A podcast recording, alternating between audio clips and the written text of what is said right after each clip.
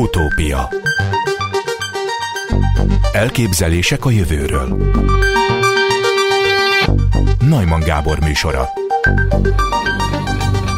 Krasznaorkai Attila és csapata még 2015 áprilisában közölte újra a korábban a Physical Review Letters című közlönyben megjelent tanulmányát, amely szerint az MTA Debreceni Atomalkutató Intézetében az atomkiban végzett kísérleteikben a berillium bomlása során eddig ismeretlen részecskét fedeztek fel. Krasznaorkaiék sötét fotonként azonosították felfedezésüket, de nem is ez okozott szenzációt, hanem az, hogy az eredményeiket a részecske fizika szempontrendszere alapján újra elemző kaliforniai tudósok a sötét fotonra vonatkozó feltételezést ugyan elvetették, de arra jutottak, hogy Krasznahorkaiék csapata felfedezhette a természet ötödik alapvető kölcsönhatását. Az utópiában üdvözlöm Krasznahorkai Attillát, az Atomki tudományos osztályvezetőjét. Jó napot kívánok!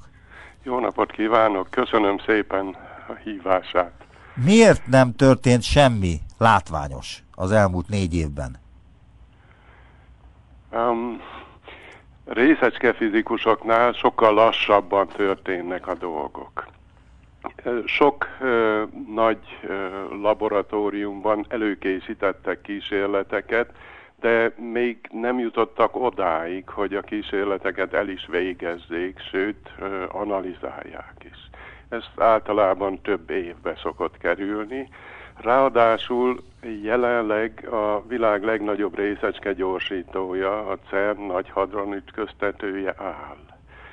Három új kísérletet is terveznek néhány éven belül, amikor újra fog indulni ez a berendezés, és valójában ők fogják igazán tesztelni ennek a részecskének a létét, illetve megmérni annak a tulajdonságait. Miért áll a CERN most? Karbantartási munkák folynak, nagyobb áramokat szeretnének előállítani a gyorsítóval, hogy minél több eredményt kapjanak. A Kvanta magazin összegzése szerint Krasznahorkaiék eredménye önmagában még nem bizonyíték, de egyáltalán nem lehetetlen, hogy harmadik próbálkozást a sikerült hatalmas felfedezést tenniük. Ez 2015-ben jelent meg. Most sikerült, ami nem sikerült 2015-ben? Igen, úgy tűnik, és hát emiatt indult el ez a média megkeresés valójában. Ugyanis arra gyanakodtak a kollégák, a fizikus kollégák, hogy hát egy anomáliát figyeltünk meg, egy elmélettől történő eltérést, és arra gyanakodtak, hogy ez a kísérleti berendezésünk hibája lehet. Ezt az anomáliát egy jól meghatározott szögnél, 140 fokos szögnél e, találtuk. Most választottunk egy másik atommagot, ahol ez az anomália egy kisebb szögnél volt várható. Ez a hélium-4 volt, amire a választásunk esett, megismételtük a kísérletet ugyanolyan berendezésekkel, és most az anomáliát 115 foknál figyeltük meg, ami hát kifogta a szelet ezekből az aggályokból, hogy ez a berendezésünk tulajdonsága lehet. Ugyanakkor ezt az anomáliát is ugyanazzal az X17 részecskével tudtuk megmagyarázni. Elmondaná, hogy mit nevezünk anomáliának egy ilyen kísérletben? Tehát, hogy voltak éppen az anomália maga a felfedezés, nem? Így van, pontosan. Tehát valójában elektronok a magreakció után keletkezett elektronokat és pozitronokat detektáltunk. Megmértük ezek kilépési szögét, illetve a szögek különbségét, tehát az elektronnak a pozitronhoz képesti relatív szögét és ebből rajzoltunk eloszlásokat, és azt találtuk, hogy az elméletileg jósoltnál 140 fokban lényegesen több elektron-pozitron párt detektáltunk. Hát ez adta azt, hogy valami más módon ezt kell, kell ezt értelmezni, és Hát ezért vezettünk be egy új részecskét, ezt az irodalomban most már X17-nek nevezett részecskét, amivel ezt a beütés szám többletet értelmezni lehetett. Aha.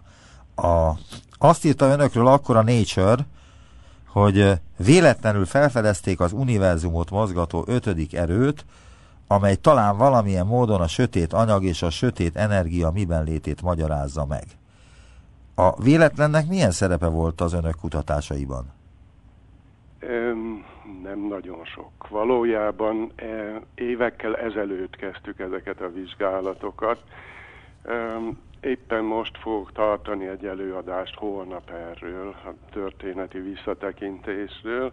Majdnem tíz évvel ezelőtt kezdtük ezeket. És valójában akciónokat kerestünk, amit az elmélet előre jósolt. Volt is egy e, jelzés arra, hogy ezt körülbelül 9 MF per négyzet tömegnél kellene keresni, de ott éveken keresztül nem találtunk semmit. Ekkor e, növeltük meg a keresés tartományát egészen 20 MF körülig, 20 MF per négyzet körüli tömegig, és akkor elkezdtünk látni valamit 17 MF per négyzet tömeg környékén. 2012-t írtunk ekkor már, ezt elvittem egy konferenciára, és a konferencián buzdítottak, hogy ez esetleg a sötét foton lehet. És folytassuk a kísérleteket, mert nagyon érdekesek. Több kísérletet, szisztematikus kísérleteket végeztünk ezután, és hát, ahogy mondta, 2016-ban sikerült publikálni a kísérleti eredményeinket. El lehet magyarázni laikusoknak, hogy mit jelent az, hogy csak bizonyos frekvencia tartományban lehet észlelni ezt a bizonyos részecskét, és hogy ezt eddig hogy, hogy nem vette észre senki sem, illetve hogy ez hogyan történt, mert itt mondja, azt mondja, hogy, hogy nem tudom milyen tartományban bizonyos szögnél lehet csak észlelni, de ezt hogy lehet elképzelni? Tehát, hogy el lehet-e mondani ezt úgy, hogy, hogy, hogy lássuk is magunk előtt a kísérletet magát? Igen. Tehát elektronokat és pozitronokat detektálunk, középen van egy céltárgy, amiből kilépnek ezek az elektronok. Ez részecske gyorsító? Egy részecske gyorsítóval bombázunk egy nagyon vékony céltárgyat. Az első kísérletünkben lítium fluoridot párologtattunk. És akkor mi volt a céljuk? Mi volt a céljuk akkor, amikor ezt a bizonyos lítiumos lapot bombázták különböző elektronokkal?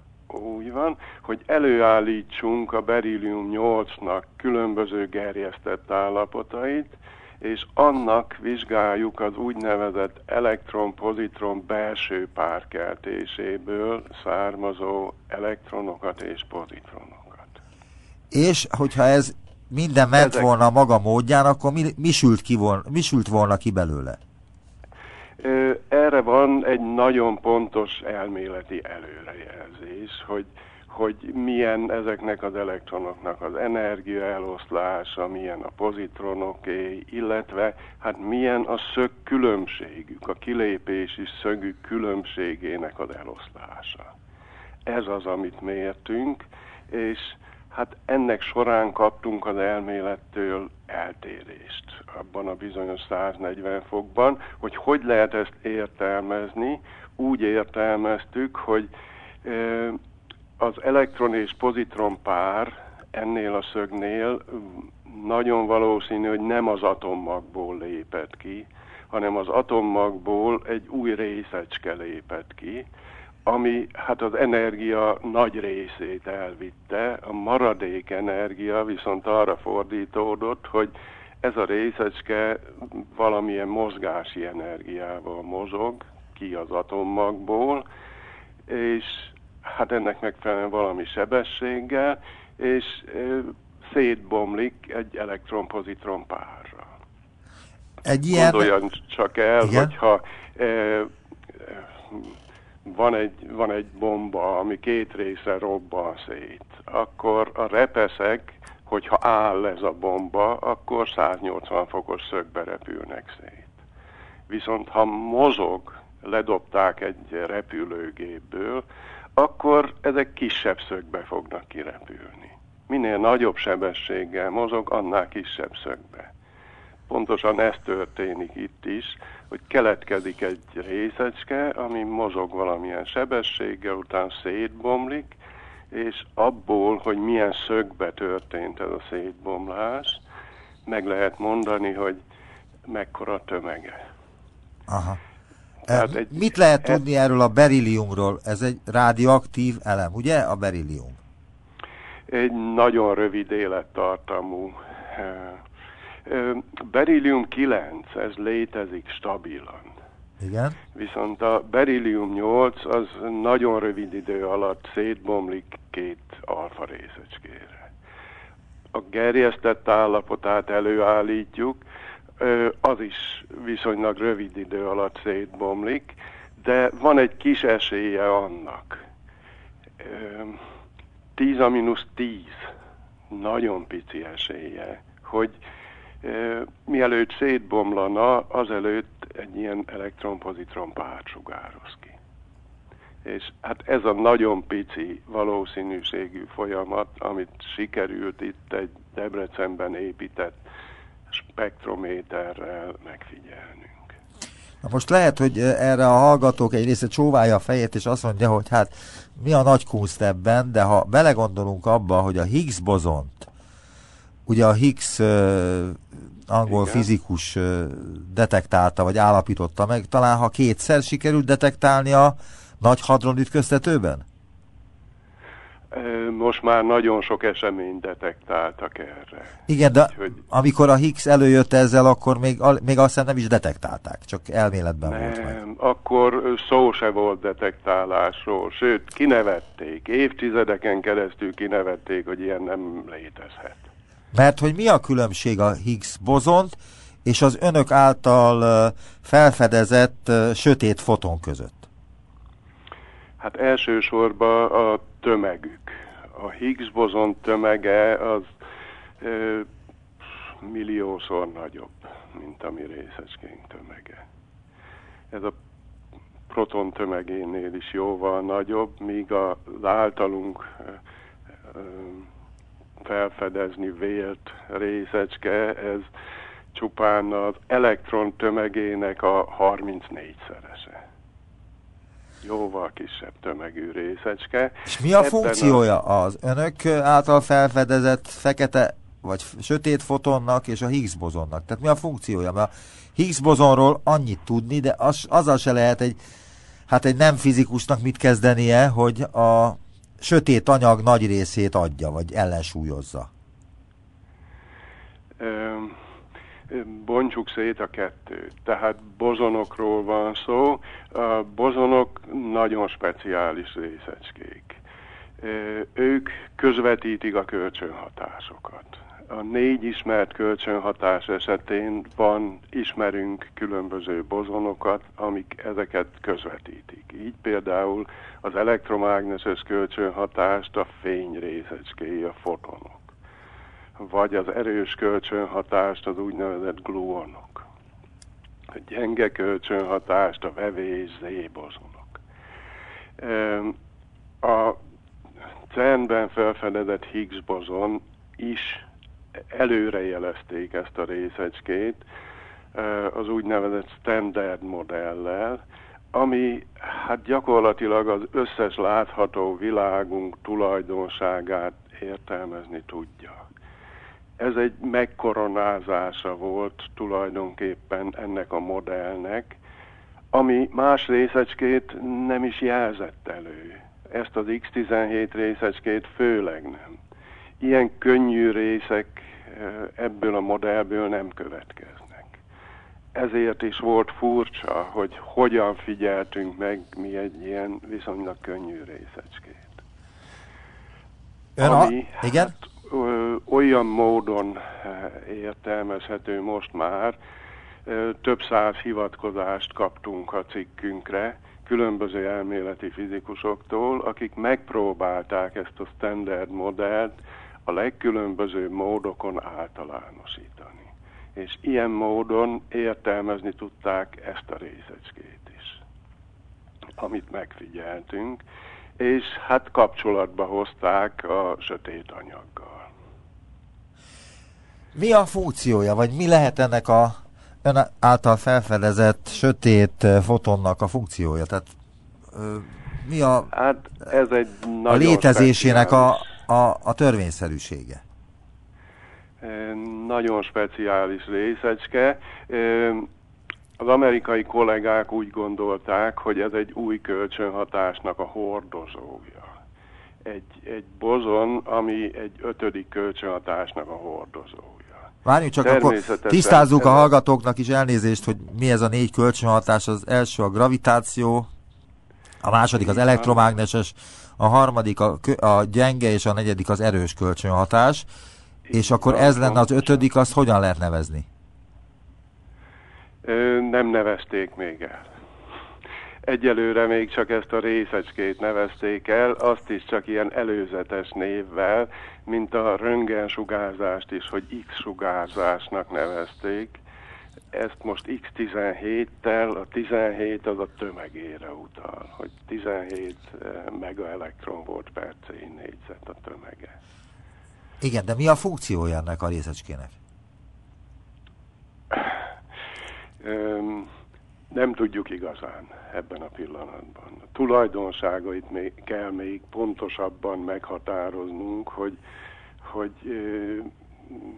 mi is a funkciója. Azt gondolják elég sok elméleti fizikus, hogy ez a részecske kötheti össze a látható világunkat a sötét anyaggal.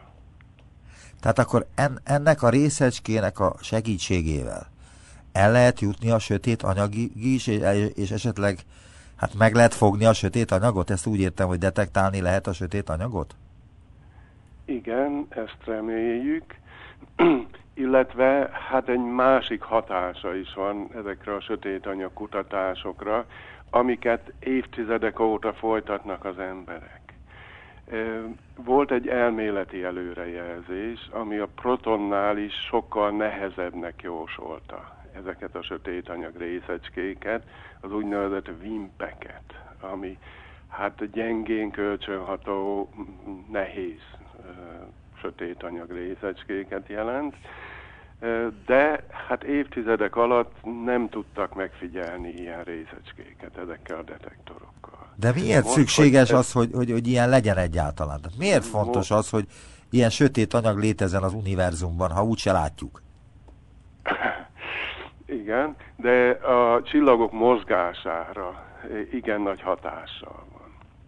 Tehát amíg az iskolában megtanultuk, hogy e, a bolygók mozgását a nap körül pontosan értelmezni lehet a newtoni, szab, newtoni törvényekkel, addig, amikor távolabbi csillagok mozgását figyelték meg, mondjuk az Andromeda galaxisban, a csillagok mozgását, és felrajzolták ezt a mozgási sebességet a középponttól mért távolság függvényében, akkor nagyon meglepődtek, mert az a sebesség növekedett kifele haladva. Holott csökkenni kellett volna. Holott csökkenni kellett volna, ezért vezettek be egy új anyagfajtát, aminek csak a gravitációs hatását e, ismerjük jelenleg, ez a sötét anyag.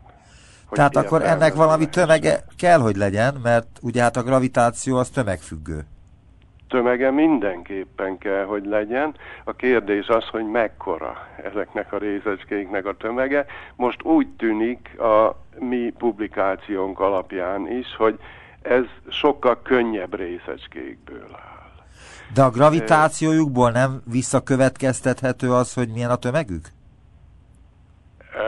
Az egész anyagnak a tömegére tudnak csak következtetni. Azt, hogy milyen részecskék alkotják ezt, és azoknak milyen a tömege, ezt jelenleg nem tudja senki. Aha.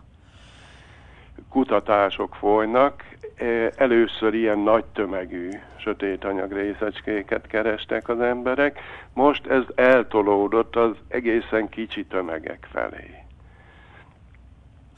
Um, és hát a legkifinomultabb csúcs technológiával épített detektorokat használnak erre.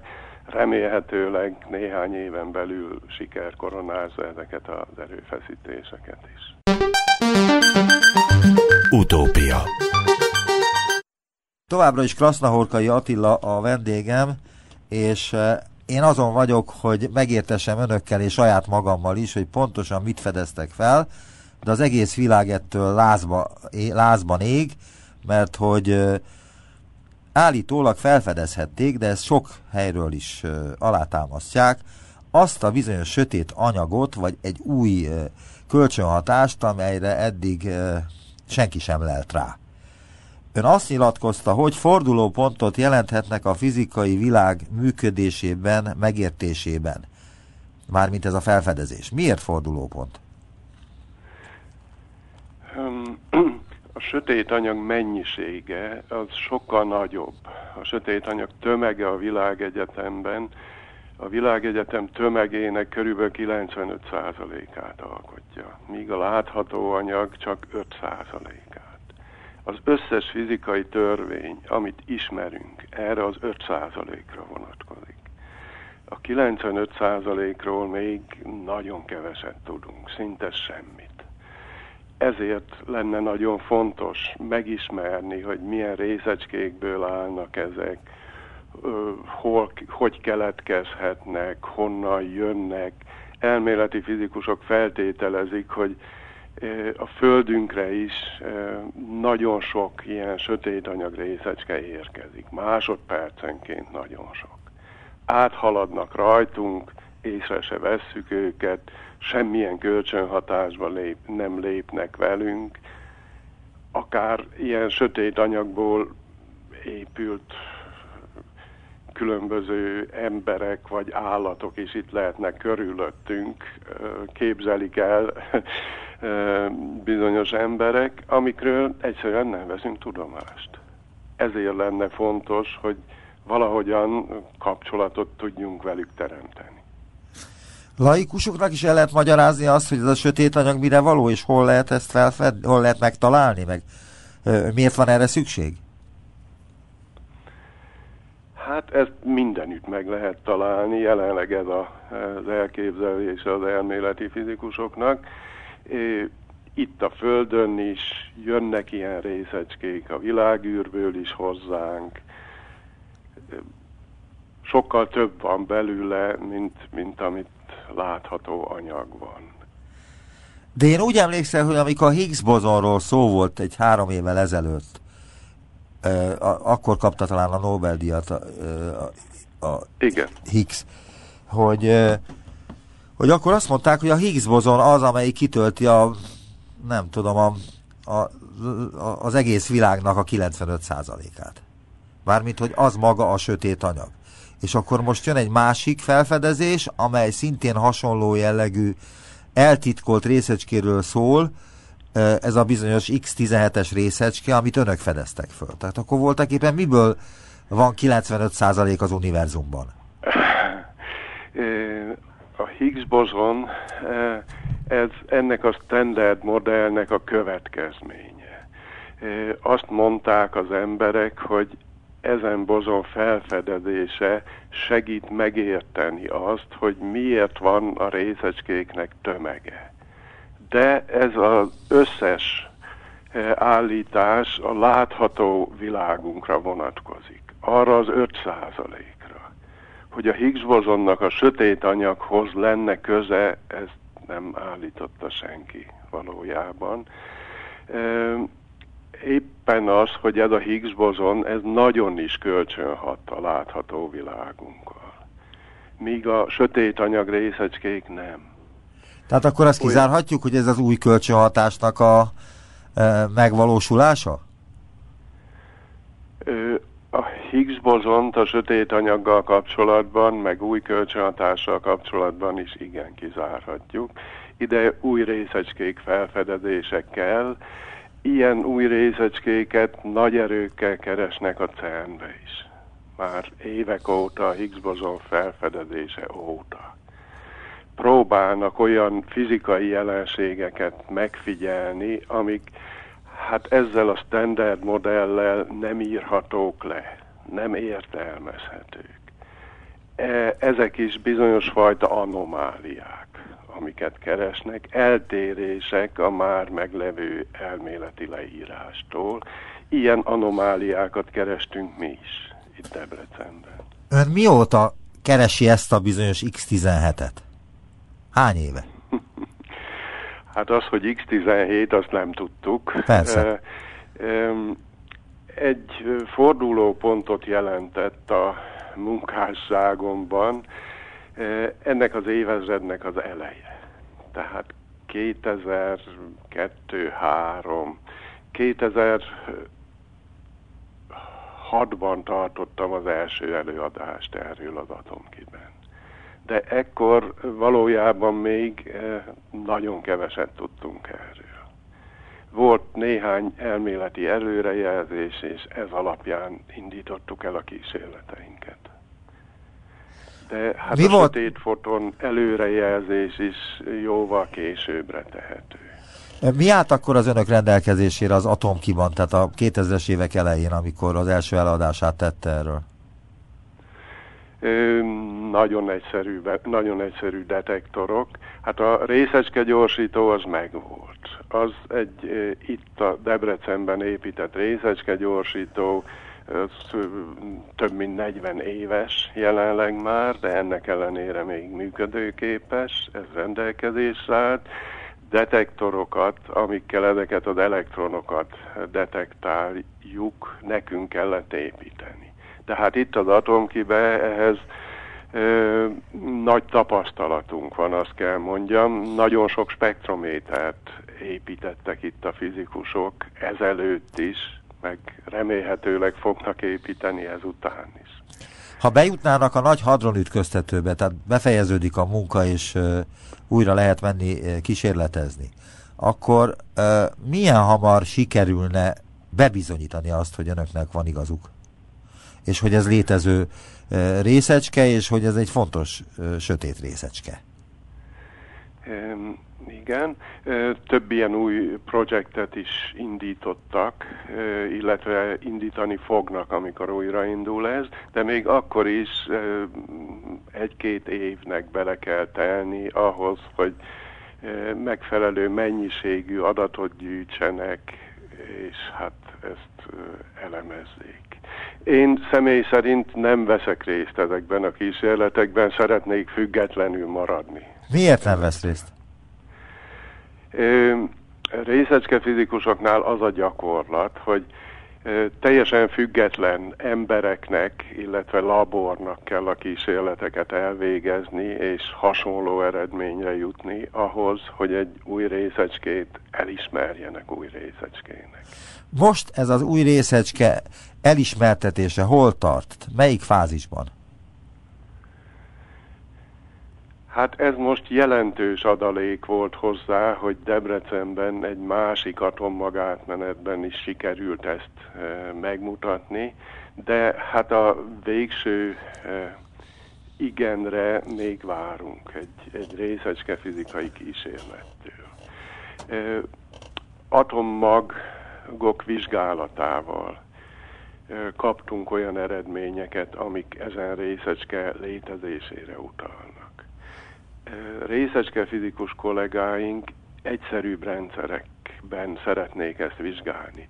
Pontosabban fordítva vizsgálni, úgyhogy pozitronokat ütköztetnek elektronokkal, és összerakják ilyen módon ezt a részecskét, és utána vizsgálják meg a szétbomlását. Várjunk csak akkor, ha, ha jól értem, akkor összeállítanak egy olyan részecskét, amit elvileg elképzeltek. Ugye? Azt mondja. Ö, amire mi kísérleti adatokat már kap. De ezt összerakják mesterséges úton. Tehát ez nem létezik igen. csak úgy, hanem ezt össze kell lakni a laboratóriumban. Igen, igen és akkor pontosan ez egy elképzelés, és annak a reakcióit fogják megfigyelni, hogy az egyébként már miért adatok mennyire hasonlóak ahhoz, amit a, az általuk elkészített fekete vagy sötét sötét protonnal fognak produkálni. Igen, igen, így van. Ilyen kísérleteket Róma melletti Frascatiban is elindítottak már. egy baleset miatt kellett leállítani, remélhetőleg a jövő év elején újraindul ez, de hát a CERN-be sokkal nagyobb valószínűséggel kapnak pozitív eredményeket. Ez a Róma melletti laboratóriumban a részecskenyaláb intenzitása kicsi. Nagyon sokáig kell a mérést végezni ahhoz, hogy megfelelő számban elő tudjanak állítani ilyen X17 részecskét. Tudom, hogy a CERN-ben nagyon hosszú időre megvannak a kísérlet is, kísérleti periódusok, és le vannak foglalva, nem tudom hány évre előre. Igen. Hány évre ezt előre a, van lefoglalva a kísérletet e, sikerült már elfogadtatni, úgyhogy e, építik a berendezéseket ehhez, és hát tényleg indulni fognak ezek. Tehát bekerültek a CERN-be, és ott e, kvázi bebizonyítják azt, amit önök is bebizonyítottak, de még ez kevés. Igen. Ön azt nyilatkozta, hogy időközben az Atomki egy új részecske gyorsítót kapott, amivel az új kísérleteinket végezhettük. Teljesen újjáépítettük a spektrométerünket, spektrométerünket. Új, pontosabb eszközöket, detektorokat szereztünk be. Nagy örömünkre sikerült ezzel a korábbi eredményeket reprodukálni, idén pedig egy új kísérletet terveztünk, ami sorsdöntőnek bizonyult.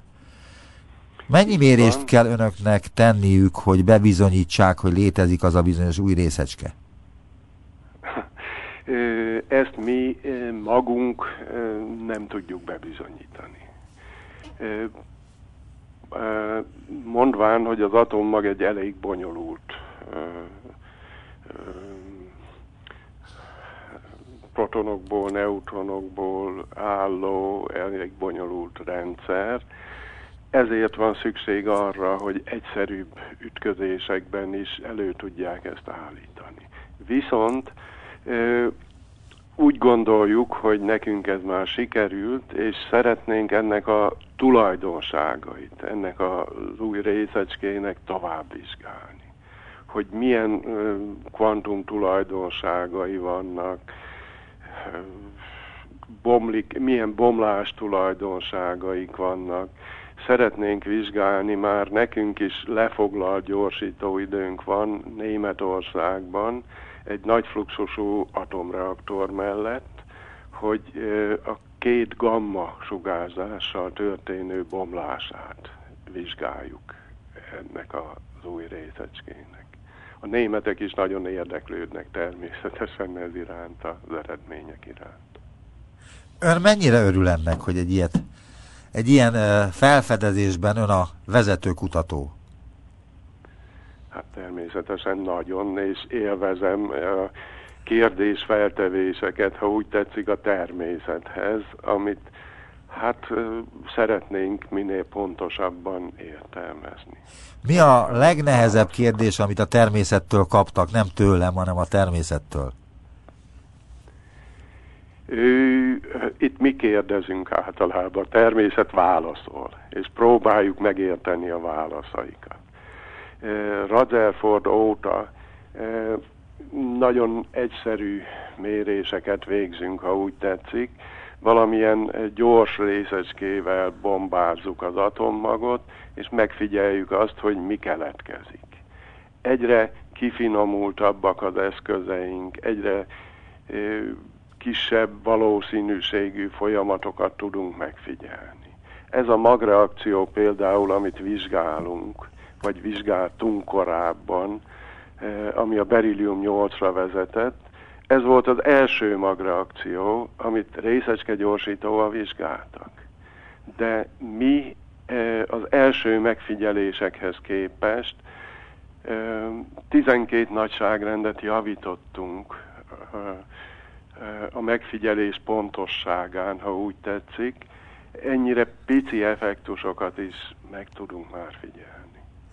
Sötét fotonként nevezték meg ezt az új ö, elemi részecskét, vagy kölcsönhatás, de az előbb mondta, hogy ez már valószínűleg nem kölcsönhatás. Igen, a sötét fotonra vannak elméleti jóslatok, pontosan, hogy ennek milyenek a tulajdonságai. De most én, hát, én is erre kérdeznék rá, hogy hogy ugye a foton a fény elemi részecskéje, és fe, persze fénylik.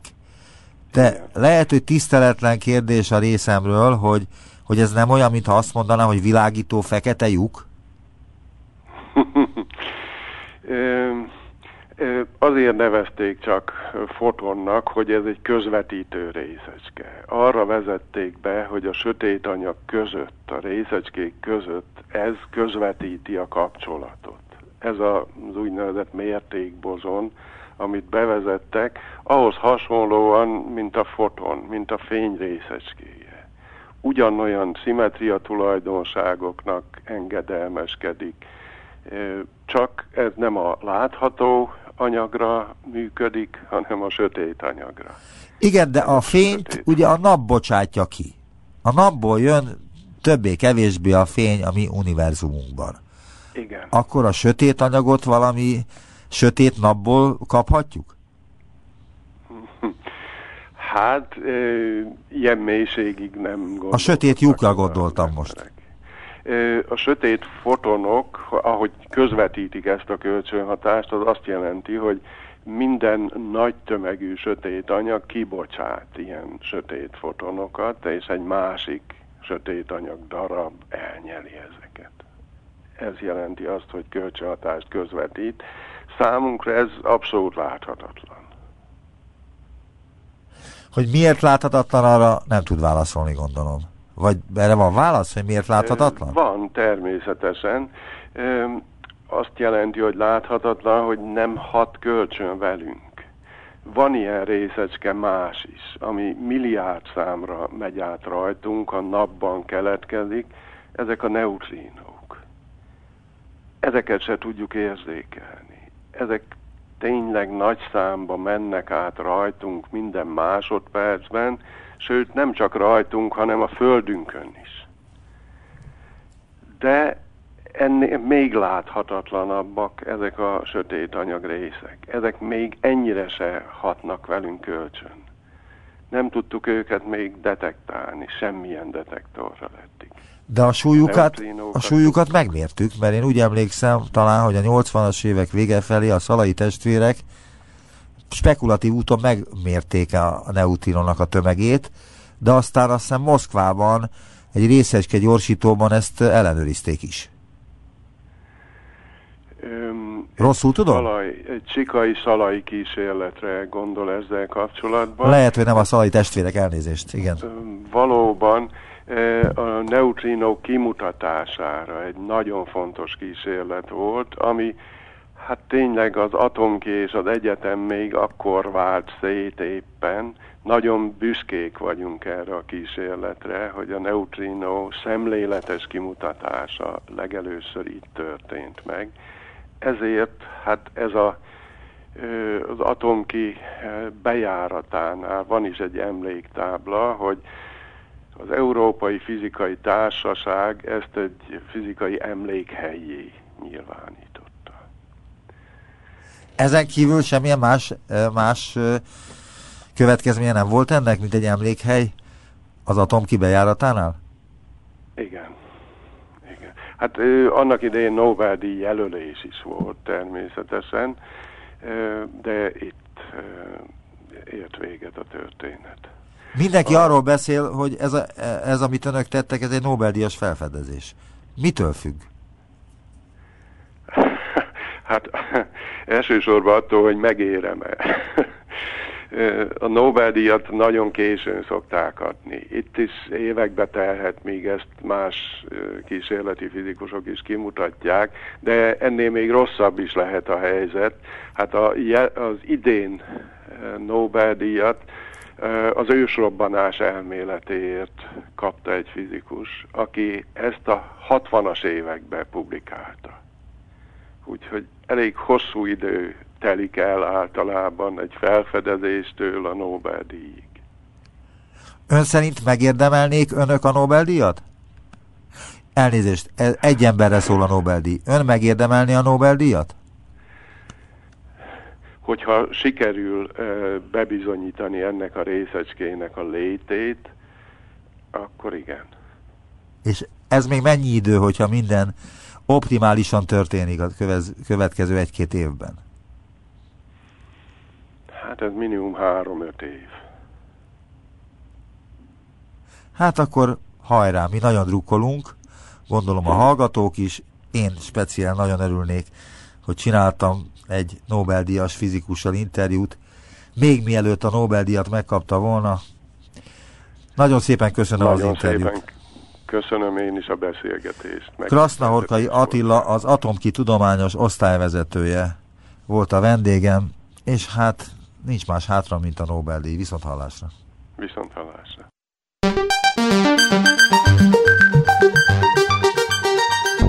Visszaértünk a jelenbe. Neumann Gábor utópia című műsorát hallották.